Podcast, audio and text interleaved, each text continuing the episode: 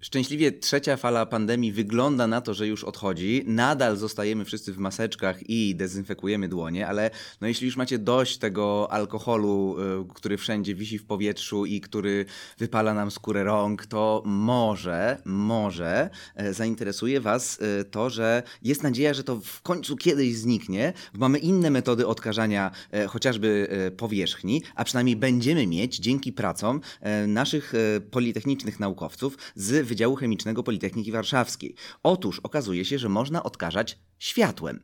O tym e, porozmawiamy z doktorem inżynierem Krzysztofem Durką, właśnie z Wydziału Chemicznego Politechniki Warszawskiej. Dzień dobry. Witam wszystkich bardzo serdecznie.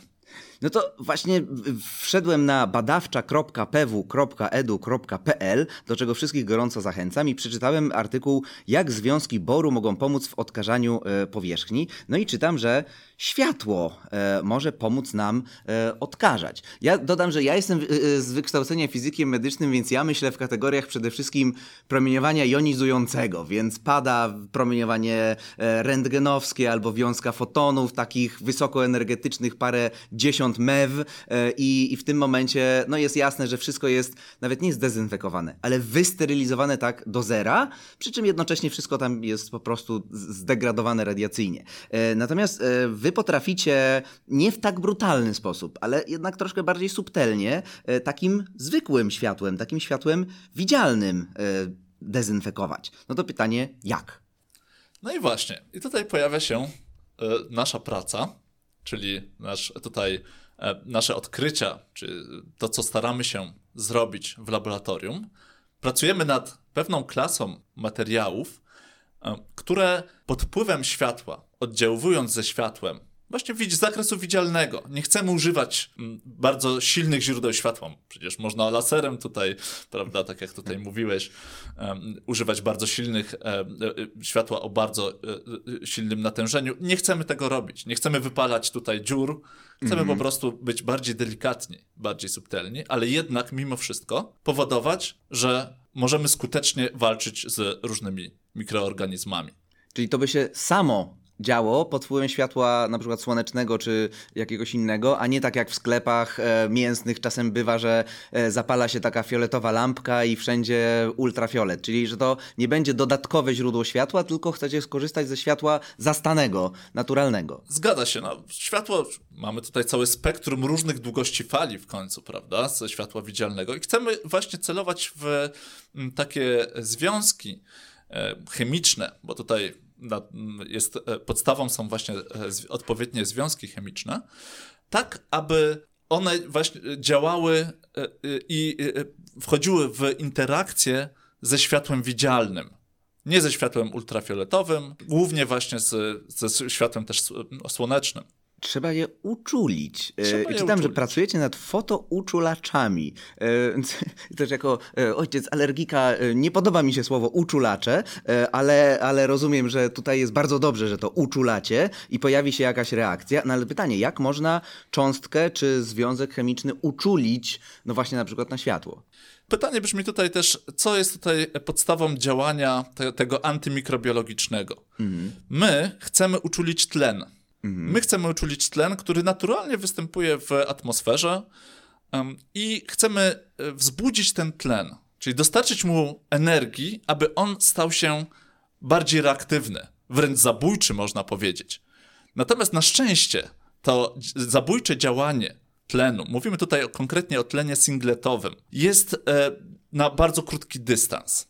Czyli on dla nas, jeżeli taki tlen uda nam się wytworzyć, dla nas jest niegroźny, jako dużych organizmów można powiedzieć. Natomiast punktowo, tam gdzie on się pojawi, może spowodować duże szkody.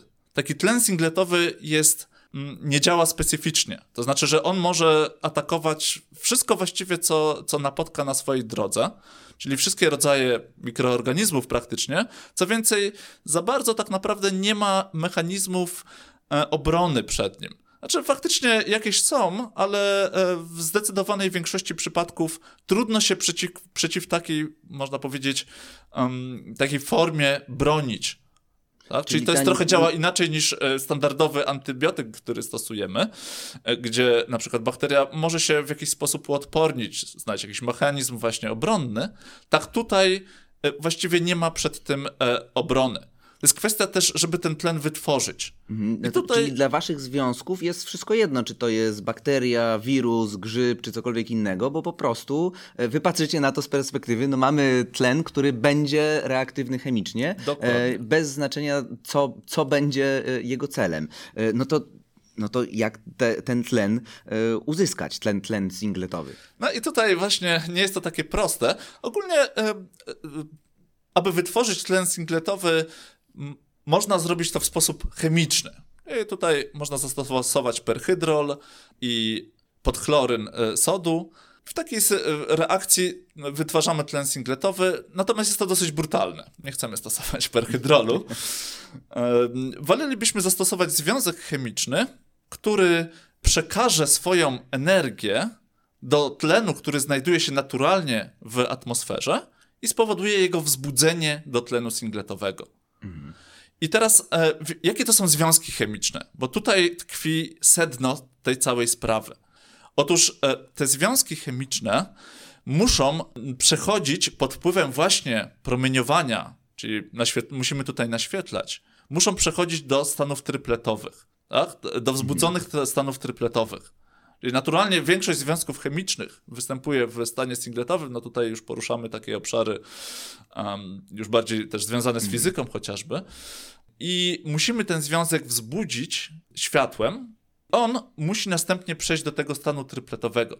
On w tym stanie trypletowym żyje jakiś czas. To są ułamki sekund. Z, może być 10 do minus 5 sekundy na przykład, tak? Czyli to jest bardzo, bardzo krótko. Z naszej Ale perspektywy- Z naszej perspektywy. Ale z, dla cząsteczek chemicznych to jest bardzo długo.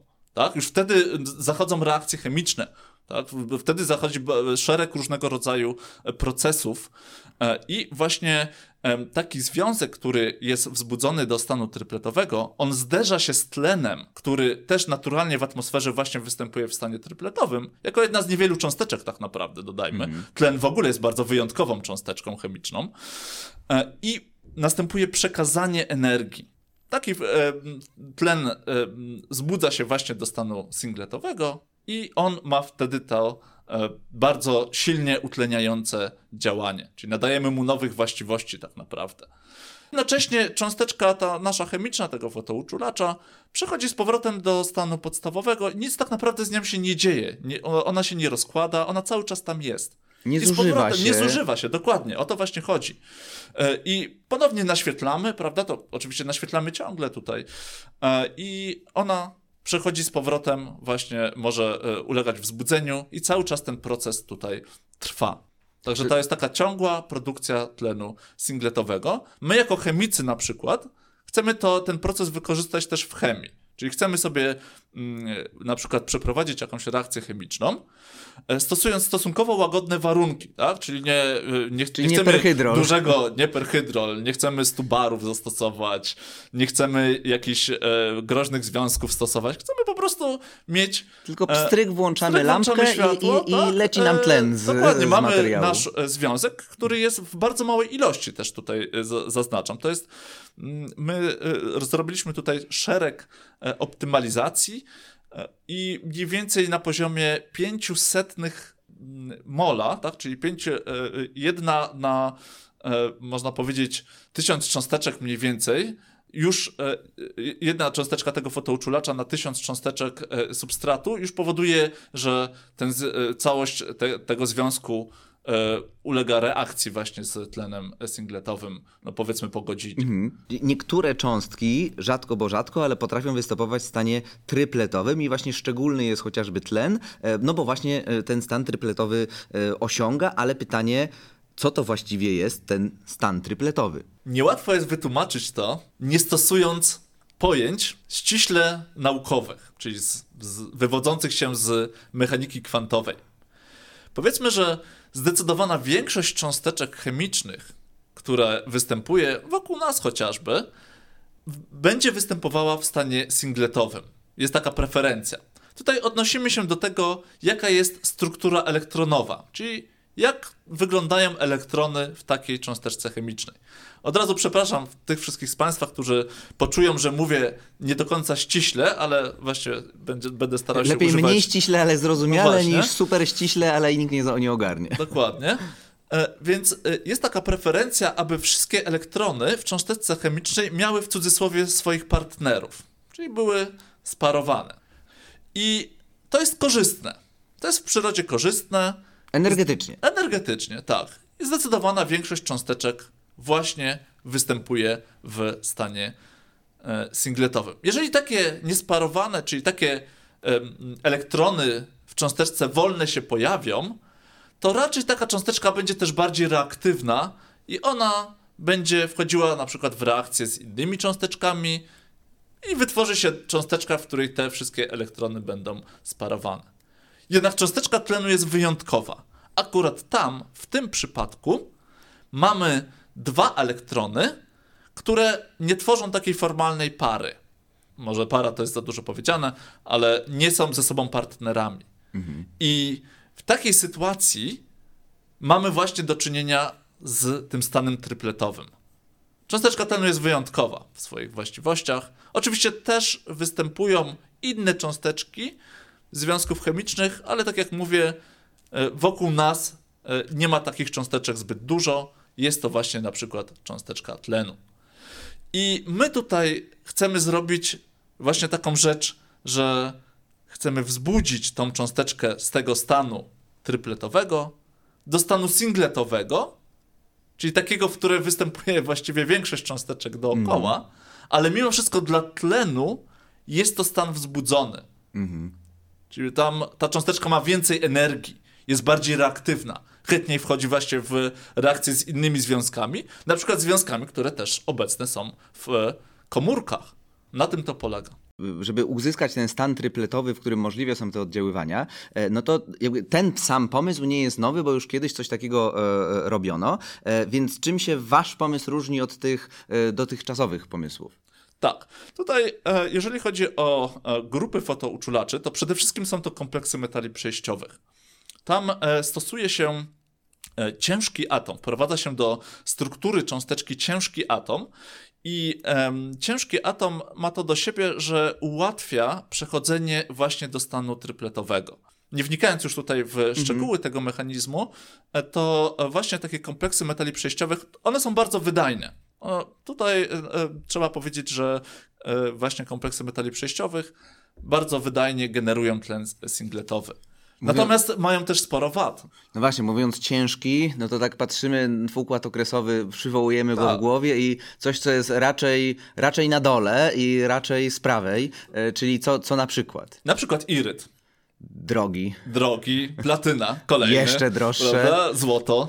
Och, No więc możemy tak wymieniać, tak? Także to jest, jest bardzo... czyli da się, ale jest drogie. Tak, jest, da się, jest to bardzo wydajne, ale jest to drogie i raczej e, to też się Do stosuje laboratorium oczywiście. rozumiem, że się nada, ale no nie pokryjemy tym, nie wiem, przystanku autobusowego, Dokładnie. żeby tutaj koronawirusem się ludzie nie zarażali. Czyli nie, nie nada się to na masową skalę, na dużą powierzchnię, że tam, nie wiem, wieżowce, biurowce, stoły, ściany i tak dalej. Chyba nie mamy tyle takich zasobów No, nawet. no i ile by takie ściany kosztowały? Znaczy, chociaż w, w, e, gdzieś tam w Arabii Saudyjskiej to pokrywali ściany złotem w, czy, i e, innymi materiałami w hotelach, ale jakby nie, nie o tym rozmawiamy. Może E, dlatego więc są zdrowi. To złoto takie ma Dokładnie. właściwości. E, Więc co w takim razie w zamian za, jeśli nie chcemy tych platyny, palladu, złota, tylko chcemy coś, no właśnie, lżejszego. Tak, chcemy zastosować związek e, organiczny, tak? czyli związek, który jest zbudowany z węgla, azotu, tlenu, wodoru i w naszym przypadku też z boru. Boru, czyli e, na, gó- na górze e, w Bor układzie okresowym. Wszystko, no, e, wszystko to jest na górze układu okresowego. Także chcemy zastosować w miarę proste związki, chociaż może tutaj ten bor jest takim, powiedzmy, dodatkiem, który jest e, rzadziej spotykany. Też w przyrodzie raczej bor nie jest aż tak często spotykany. E, Natomiast e, jednak chcemy, nie chcemy właśnie zastosować tego efektu ciężkiego e, atomu. I teraz pytanie brzmi, w jaki sposób możemy zmusić taki związek organiczny do tego, aby, produko- aby przechodził do stanu e, trypletowego. To jest dosyć o, e, trudne. I zdecydowana większość związków chemicznych nie posiada tych właściwości. Też zdecydowana większość związków boru nie przechodzi do stanów e, trypletowych w taki naturalny sposób. Ostatnie badania, też tutaj z naszym udziałem, pokazują, że istnieje jednak pewien sposób e, zaprojektowania struktury tego związku. Czyli musimy bardzo ostrożnie zaprojektować budowę tego związku na poziomie atomowym. Dosłownie patrząc, w jaki sposób są względem siebie ułożone atomy i poszczególne części tej cząsteczki, i wtedy możemy właśnie ten efekt wywołać. Czyli to jest takie bardzo specyficzne. Z drugiej jednak strony, to co my żeśmy właśnie zaproponowali, taki sposób zaprojektowaliśmy ten związek, e, aby móc też e, takich związków zrobić dużo. Tak? Czyli mo można na przykład e, zmienić w strukturze tego związku, wprowadzić jakieś grupy funkcyjne, czy jakieś atomy dodatkowo i wywołać na przykład efekt zmiany długości fali, która powoduje długości fali światła, czyli koloru tego światła, który powoduje wzbudzenie tego związku. I bardziej selektywnie. Na, przykład, móc bardziej selektywnie. Chcemy bardziej w niebieskie, tlenu. albo bardziej w czerwone. Na przykład w celach medycznych jednak bardziej chcemy y, iść w to światło czerwone, bo ono ma większą penetrację tkanki. Czyli gdybyśmy chcieli na przykład zastosować z- takie związki, a takie związki się stosuje właśnie w tak zwanej terapii fotodynamicznej, czyli y, terapii, w której leczy się nowotwory, tak? Nastrzykuje się po prostu związek, naświetla światłem e, i on miejscowo, taki fotouczulacz, to wszystko działa na tej samej zasadzie. Czyli po prostu następuje wzbudzenie związku do stanu trypletowego, on przekazuje energię do tlenu, który jest na przykład we krwi, tak? I ten tlen wzbudza się niszczy wszystko, co jest dookoła. No, widzę, że ten w ogóle Bor ma wzięcie, bo też znowu na, na chwilę przeskakując do fizyki medycznej, jest taka, techn- e, taka technika, terapia borowo-neutronowa. E, BNCT e, tak tak jest, jest rozwijana w, w świerku przez też naszych absolwentów, ale w szoku byłem właśnie, jak się okazało, że potrafią lekarze zrobić transplantację, autotransplantację, znaczy wyjąć komuś wątrobę, do której w, wcześniej wstrzyknięto związki boru, tę wątrobę wsadzić w reaktorze do wiązki neutronów, e, żeby ten neutron, neutrony oddziaływały z borem, po czym, e, bo wtedy się cząstkami alfa rozpada, po czym ws- wszczepiają mu z powrotem i łatwiej jest lekarzom e, właśnie pacjentowi wyjąć i włożyć z powrotem tą wątrobę z człowieka, no niż jego całego tam wkładać, żeby reszta tkanek się nie napromieniała. Więc tu też rozumiem, że jest fajne to, że można to zrobić tak bardzo selektywnie, czyli długość fali decyduje o tym, gdzie to się będzie pojawiało, a jeszcze rozumiem to, że e, skoro mamy światło, no właśnie czerwone, e, głęboko wnika, ale no nie powoduje innych e, efektów, no bo gdybyśmy Tak. ultrafioletem świecili, no to niestety, ale no też oddziałujemy na, na, na wszystko, co jest tam w okolicy. Zdecydowanie takie światło właśnie z obszaru powyżej tych 400 nanometrów, 450 jest bardziej korzystne. Tak? Czyli tak byśmy w, te, w tą stronę chcieli e, się przesuwać. A akurat te związki, które też robimy, tutaj właśnie jest pod, pod, mniej więcej pod światło czerwone, e, podchodzimy. Też możemy, jesteśmy w stanie strukturę tego związku właśnie tak zmodyfikować, żeby jeszcze bardziej przesunąć się nawet w obszar tutaj bliskiej podczerwieni. Widzę tu wielką zaletę w tym, że właśnie nie pracujecie nad jednym związkiem, tylko nad klasą związków, no bo faktycznie można decydować, czy to będzie e, nieselektywne i po prostu całe światło widzialne będzie właśnie na, na ścianie budynku na przykład coś z tym robiło, czy właśnie na przykład będzie bardzo selektywne, żeby włączyć, wyłączyć reakcję chemiczną. I myślę, że to jest piękne, że potraficie zaprojektować taki związek, ale pytanie, no ale jak go projektować? Pamiętam jeszcze e, z chemii w, w podstawówce, jak pierwszy raz się rozrysowywało, jak są ułożone atomy w cząsteczkach. I właśnie czasem były równo, czasem były pod kątami i tak dalej. No ale no, papier zniesie wszystko. Narysować sobie można cokolwiek. A wy faktycznie projektujecie i potem robicie tę cząstkę i ona zachowuje się tak, jak chcecie. Więc no, jak ją projektujecie? To jest bardzo skomplikowana sprawa czasem. E, ogólnie e, musimy tutaj łączyć wiele technik badawczych. Z podstawą w ogóle jest zrozumienie tego, co tam się dzieje. I między innymi na te e, pytania odpowiedzi udzielają nam metody chemii kwantowej. Tak? Czyli tutaj staramy się zaprzęc no, potężne tak naprawdę obecnie możliwości, które dają nam właśnie metody chemii kwantowej i współczesne komputery, aby zobaczyć, jaki jest mechanizm tego procesu i od czego zależy. Czy gdy zaczniemy na przykład wprowadzać pewne zmiany w tej cząsteczce, czy to się poprawi, czy się pogorszy. Jednocześnie musimy mieć też szereg e, rezultatów eksperymentalnych, aby to ze sobą korelować. To, co staramy się znaleźć, to jest zależność struktury związku chemicznego mhm. od jego właściwości. Struktury też e, przestrzennej tego układu. Czyli nie tylko i wyłącznie elektronowej, tak jak już mówiąc e, bardziej fachowo, czyli jakie tam są atomy, jakie tam są grupy, ale też jak on w przestrzeni wygląda. I na mhm. przykład tutaj możemy użyć metod rentgenostrukturalnych, które pozwalają nam wyznaczyć strukturę związku chemicznego. I potwierdzić, że mieliście potwierdzić rację budowę, projektując tak, go. Do, dokładnie potwierdzić jego budowę um, właśnie takimi metodami. Czyli mówiąc ogólnie, na tyle dobrze już tutaj w latach 20. XXI wieku, na tyle dobrze mamy, czy macie ogarniętą e, chemię kwantową, że to faktycznie działa, że jak w komputerze sobie narysujecie, że atom jest tutaj, tutaj i tutaj, to będzie się zachował tak i tak, czyli wszystkie tam orbitale i cała reszta się wylicza poprawnie, bo potem badania pokazują, że to działa. No dobra, ale ten związek jeszcze musi fizycznie zaistnieć, więc jaka jest ta droga od komputera do probówki, w którą świecimy laserem? Tak, no i właśnie tutaj pojawia się synteza organiczna, e, czyli właśnie sposób otrzymywania tych związków. Jeżeli chodzi o mm, związki boru, to wymaga pewnego doświadczenia. Znaczy, tak naprawdę, e, jeżeli już się opracuje metodę syntezy, to ona zwykle jest powtarzalna i można to, e, wtedy wydaje nam się ona w miarę oczywista, synteza tego związku, czyli sposób jego otrzymania. Natomiast dojście do tego nie zawsze jest takie oczywiste. I to wymaga po prostu serii e, prób, e, których e, nie jesteśmy w stanie też przewidzieć do końca tych rezultatów. Czyli komputer zniesie wszystko, prawda? Kartka zniesie wszystko, natomiast faktycznie, fizycznie na końcu musimy ten związek otrzymać.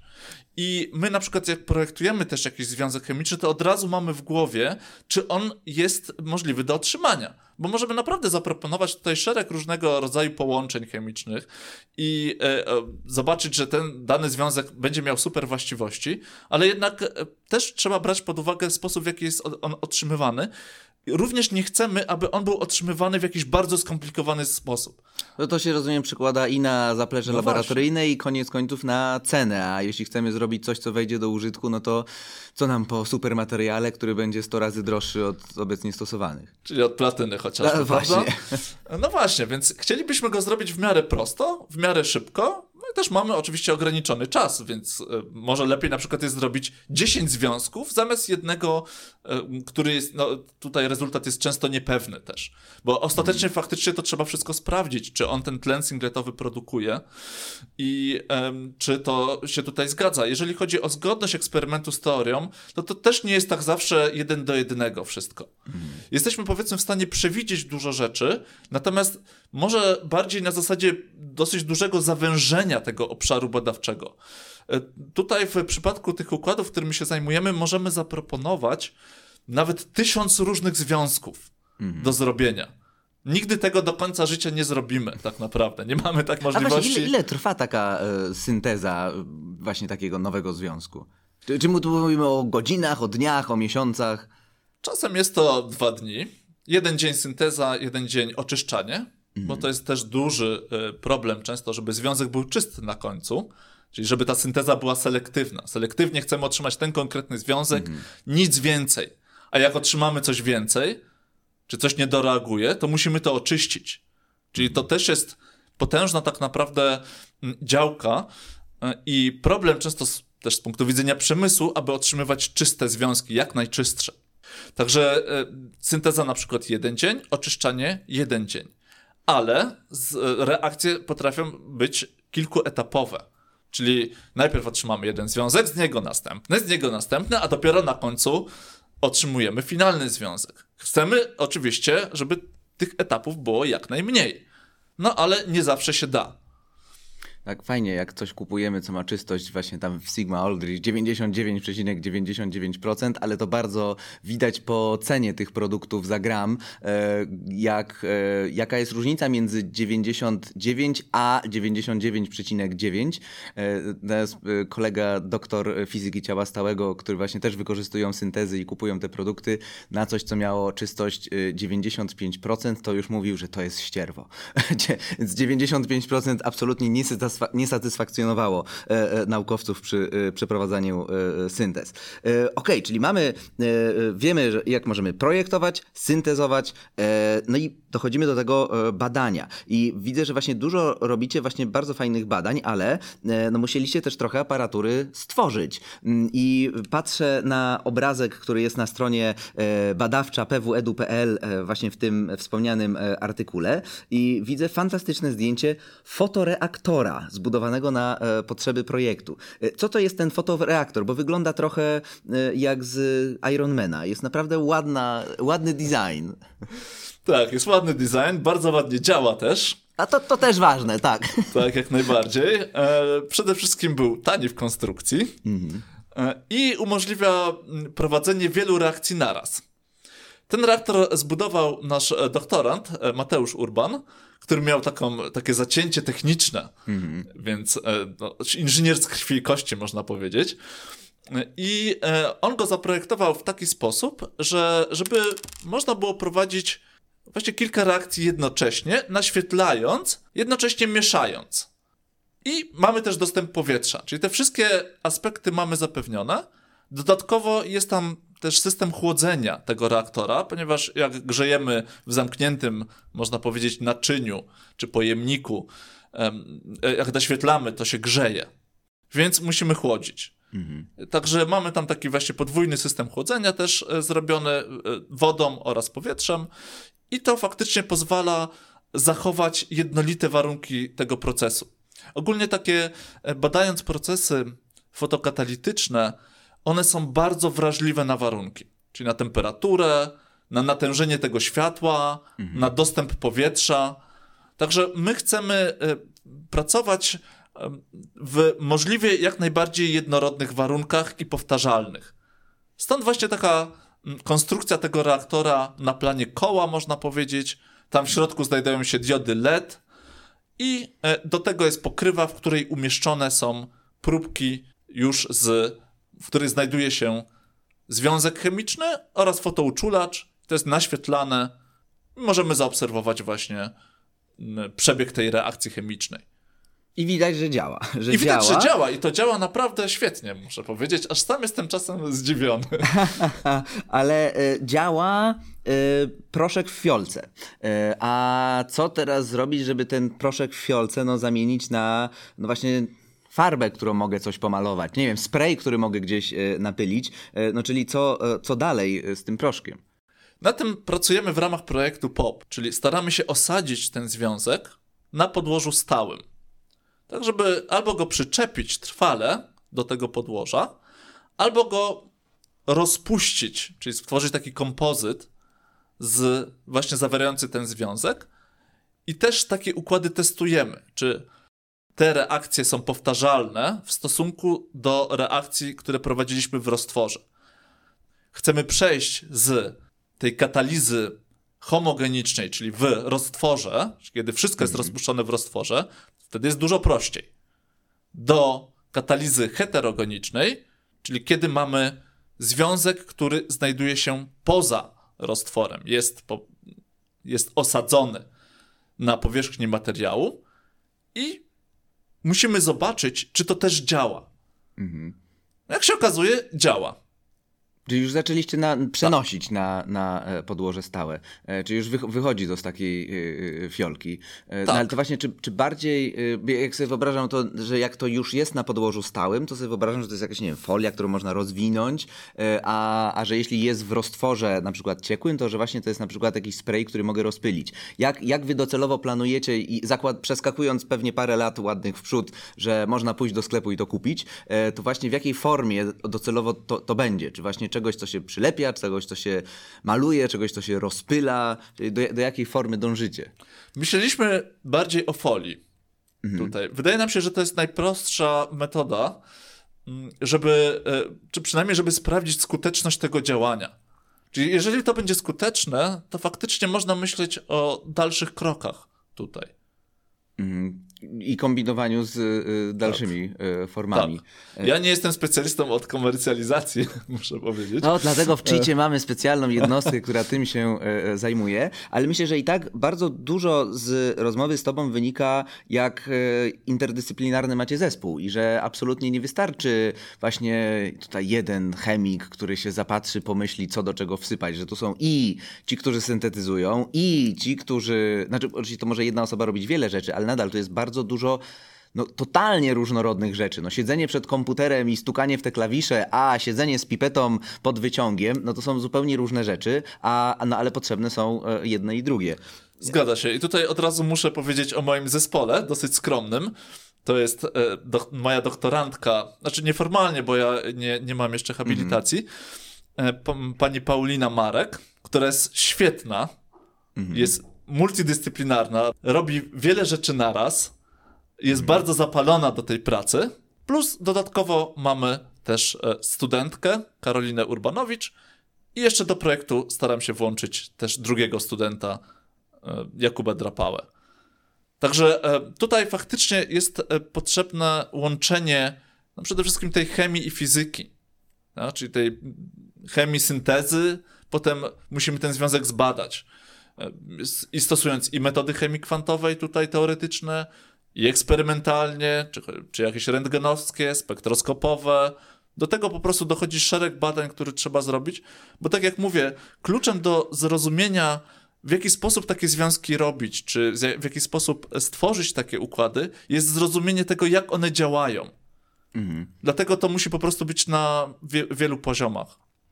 Super, że jest zespół. Natomiast jeszcze pytanie, y, skąd właściwie ten zespół się wziął? Czyli w ogóle skąd y, u ciebie pojawił się tak oryginalny pomysł, żeby y, w nowy sposób podejść do tego problemu? No i skąd się wzięli ludzie, którzy, no właśnie, mają pracować nad czymś, czego jeszcze nie ma? Trzeba znaleźć faktycznie zapaleńców. To jest podstawa. Czyli ludzie, którzy faktycznie będą się tym pasjonowali. I takich ludzi staramy się poszukiwać wśród studentów, też e, mamy propozycje na doktoraty, chociażby. No i też trzeba mieć trochę szczęścia, nie da się ukryć. Natomiast jeżeli chodzi o inspirację, to jest tutaj dłuższa historia, e, dlatego że ja też na doktoracie zajmowałem się związkami boru, trochę innymi. To jest bardzo duża zasługa mojego szefa, Sergiusza Lulińskiego, który jest e, bardzo fajnym człowiekiem ogólnie, mhm. też w takich kontaktach e, bezpośrednich, ale też ma niesamowite kompetencje naukowe. I to na wielu poziomach. On przede wszystkim jest może trochę bardziej syntetykiem i takim mhm. też, też fizykochemikiem, bardzo dobrze rozumie tą fizykochemię. Ja z kolei jestem troszkę bardziej przesunięty w stronę badania właściwości może związków i y, tworzyliśmy zawsze taki, czy cały czas tak naprawdę tworzymy, mm, dobrze uzupełniający się zespół. I y, te inspiracje też, y, można powiedzieć, te pomysły częściowo płyną właśnie z tej wiedzy, którą jakoś udało się nabyć i też nie ukrywam literatury, prawda, czyli staramy się nadążać za tym, co, co dzieje się dookoła, ale też właśnie po prostu wpadamy na nowe pomysły, patrząc na to, co się dzieje dookoła, prawda, mamy jakieś też nowe pomysły na to, co e, zrobić dalej i e, też nie ukrywam, że nieraz przydaje się tutaj szczęście w badaniach. Bo to jest tak, że tworzymy nowy związek chemiczny i e, to często też jest kwestia przypadku, nie ukrywam, że prowadząc jakąś reakcję, nie wiemy do końca, co z niej wyjdzie. Uzyskujemy jakiś związek, badamy jego właściwości, na różne sposoby i faktycznie patrzymy, o, jest coś tutaj ciekawego. Chociaż to, to nie jest tak, że to jest zupełnie przypadek. Tak? Ja tutaj chcę to też zaznaczyć, że to nie jest tak, że my zupełnie przypadkowo trafiamy na te związki. Po prostu e, szukamy e, w nowych klas układów chemicznych, chcemy otrzymać pewne rzeczy, też konkretnie. Tu cytując y, Pastera w momencie dokonania jednego z największych odkryć dla ludzkości, o, to ciekawe.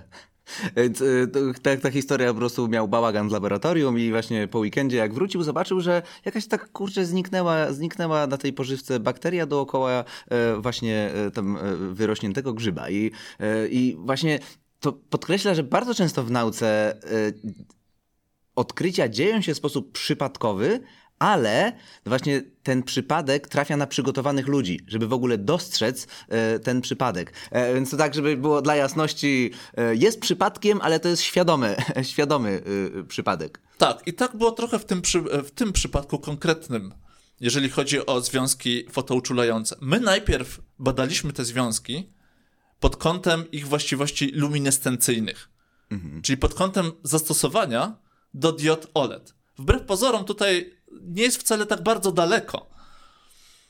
Mm, I my e, początkowo mieliśmy taką koncepcję, aby tak zmienić strukturę tego związku chemicznego, aby on, mówiąc już tak w uproszczeniu, lepiej świecił. A, Czyli mocniej świecił tak, żeby można go było wsadzić w urządzenie optoelektroniczne i on właśnie, żeby był wydajnym emiterem światła. Natomiast, jak się okazało, zupełnie przeciwnie. On w ogóle nie świecą, te, te, te związki. Nie chcą emitować za bardzo światła. Ale chcą pochłaniać. Dlaczego? Dlatego, że e, jak już pochłoną to światło, to zamiast je wyemitować, to one przechodzą do tego stanu tripletowego, który nie jest za bardzo emisyjny. I, e, no i właśnie jest ta alternatywna ścieżka tutaj. Tak? Także my w pewien sposób e, tego akurat nie przewidzieliśmy, że tak się może stać, aczkolwiek to, że one świecą słabiej, naprowadziło nas na to, że tutaj może się dziać coś więcej. I w tą stronę zaczęliśmy podążać i faktycznie po przeprowadzeniu serii badań, tutaj również z udziałem naszych współpracowników, e, z, chociażby z Politechniki Śląskiej, pani Agaty Blachy-Grzechnik, udało się nam stwierdzić, że te związki generują tlen singletowy. I w tą stronę po prostu zaczęliśmy to rozwijać, zaczęliśmy tworzyć nowe związki chemiczne, ulepszać tą koncepcję, zaczęliśmy nanosić je na powierzchnię stałą i wow, to działa. Super. Świetnie. E, Jeszcze mam pytanie, jak, e, czy, czy już mieliście okazję światu naukowemu e, się pochwalić tą działalnością? Bo mówisz tu właśnie już o współpracy krajowej, ale czy już na arenie międzynarodowej wasze odkrycie zostało rozpoznane? Wysłaliśmy teraz pracę do, do publikacji. Jest w recenzjach. Nie wiemy jeszcze, Okej, jaki jest trzymamy, rezultat. trzymamy kciuki. Już tak dwa tygodnie siedzi. Myślę, że niedługo e, uzyskamy e, zwrotną informację.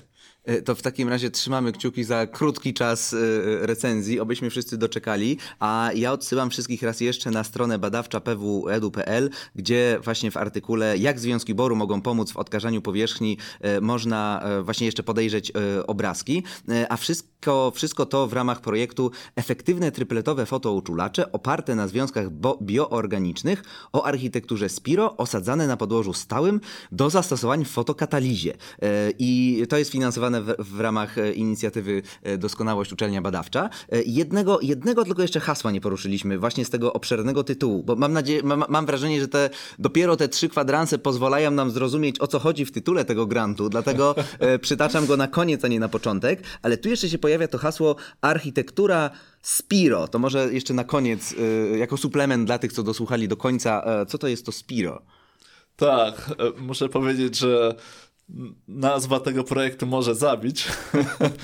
Em, Ale faktycznie są tam zawarte te elementy, które są e, jakby tutaj podstawą tego projektu. E, Architektura Spiro. To już jest takie pojęcie bardziej chemiczne.